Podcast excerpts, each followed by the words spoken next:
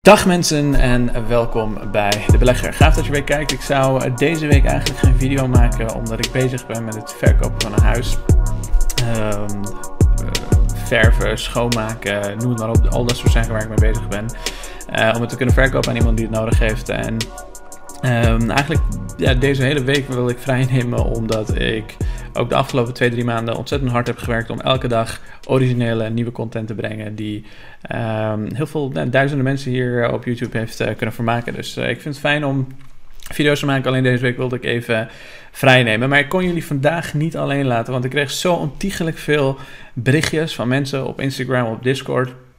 En die mij vroegen: hey, Um, waar komt die enorme techdaling vandaan? Want mijn portefeuille persoonlijk, dus de aandelen binnen mijn portefeuille, zijn gemiddeld 5,4% omlaag. WCBR, onze favoriete ETF, mijn favoriete ETF uh, binnen de cybersecurity, staat ook de afgelopen twee dagen flink onder druk. En uh, we gaan het dus hebben even kort over waar dat precies door komt. Um, ik heb wel een aantal transacties gedaan vandaag, omdat ik een aantal bedrijven in het oog heb die ik over de loop van tijd heen wil blijven uh, verhogen. Hoe meer ze dalen, hoe meer ik eigenlijk van plan ben om uh, bij te gaan kopen.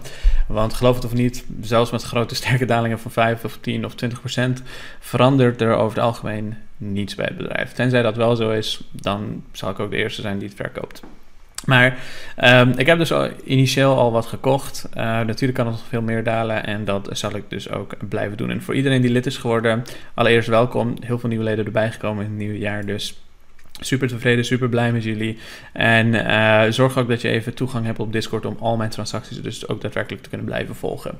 Maar uh, wat er gebeurd is, is wat we eigenlijk de afgelopen tijd al heel vaak besproken hebben. Ik heb het al heel vaak besproken, het is alleen nooit. Uh, tot, ja, het is, het is alleen nooit er tot gekomen dat de aandelen ook daadwerkelijk zijn gaan dalen. En wat we besproken hebben is namelijk de 10-year treasury, oftewel de rentestanden in de VS. Uh, eh, je zag ze al best wel flink stijgen. Je zag hier richting maart vorig jaar, 2021, flink stijgen. Wat het toen deed is het schudde eigenlijk heel veel speculatieve lucht wat er in de markt zat, schudde het weg. Heel veel speculatieve aandelen zijn zelfs nog steeds niet teruggekomen van die flinke daling toen. Want de rente ging omhoog, bedrijven zoals Workhorse, Desktop Metal, al dat soort onzin die veel gehyped werden, die heel veel beleggers ook kochten door die hype, die zijn nooit meer hersteld. Althans, zeg nooit nooit, tot nu toe nooit meer. um, tot nu toe zijn ze nog, dus, nog steeds niet hersteld. Uh, de betere groeiaandelen hebben het goed gedaan. Ik zelf, mijn persoonlijke portefeuille, bedrijven die in mijn portefeuille zitten, ik ben natuurlijk een beetje biased, hè, want het is mijn portefeuille. Maar ik denk dat dat goede groeiaandelen zijn die eigenlijk alle verschillende soorten omstandigheden moeten kunnen, uh, kunnen, kunnen, kunnen overleven. Uh, rente is daarna wat gedaald. Uh, de meeste groeiaandelen zijn weer wat teruggekrabbeld. En wat je aan het zien bent de afgelopen dagen is dat die rentestanden weer flink aan het verhogen zijn.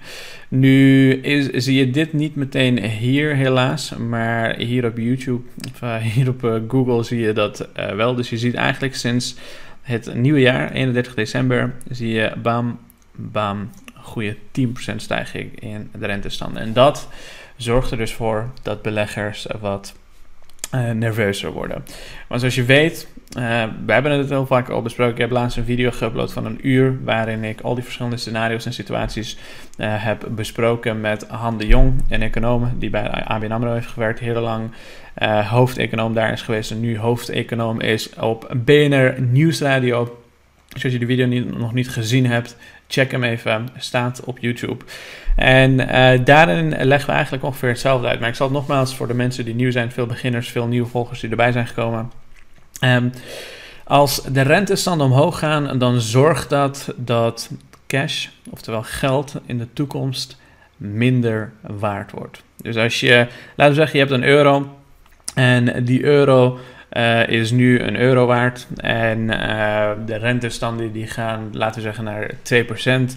Dan, dan is het over een periode van 5 à 10 jaar ongeveer, laten we zeggen, over een periode van 5 jaar 82 cent nog waard. En als de, als de rentestanden 5% zouden zijn, dan is het nog maar nou, 60, 70 cent of zo waard. En de reden is puur en simpel. hoe hoger die rente, hoe hoger de inflatie, hoe minder geld in de toekomst waard wordt. En laat groeiaandelen nou vooral hun winsten en hun geld in de toekomst zitten. Want het is, je, je belegt aan de ene kant natuurlijk in fundamentals, een geweldig bedrijf, fantastische fundamentals, uh, veel grote cashpositie, weinig schuld, et cetera, et cetera. Allemaal dingen die belangrijk zijn, die ik overigens mensen die binnen de community zitten ook daadwerkelijk leer. Um, maar allemaal dingen die belangrijk zijn om te weten bij een bedrijf, uh, de fundamentals die kloppen.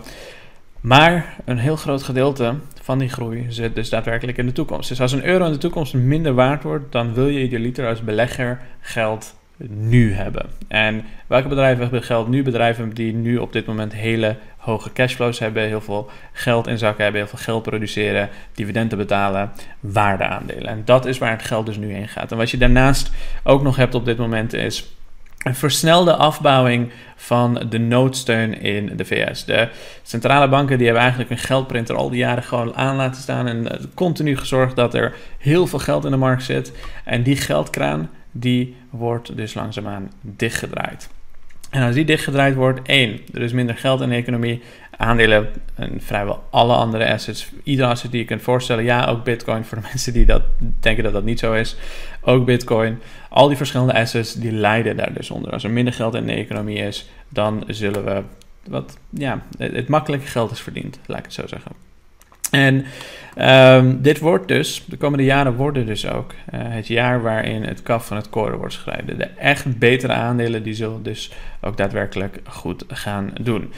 Um, bij dit soort theoretisch gelul, zo noem ik het maar even, want macro-economie is vaak meningen, heel theoretisch. Uh, als je, en tegenwoordig wordt het meeste van de handel op de beurzen algoritmisch gedaan. En uh, al die algoritmes die kijken simpelweg uh, naar theoretische zaken en die kopen en verkopen groeiaandelen als de rente omhoog gaat enzovoorts enzovoorts. En uh, over de lange termijn, als een aandeel goede fundamentals heeft, blijft groeien, de juiste dingen blijft doen, zullen ze altijd een goed rendement behalen. En ik denk dat ik een groot gedeelte van die aandelen. Er zijn zeker bedrijven die overgewaardeerd zijn. Die zullen waarschijnlijk ook wat lucht verliezen.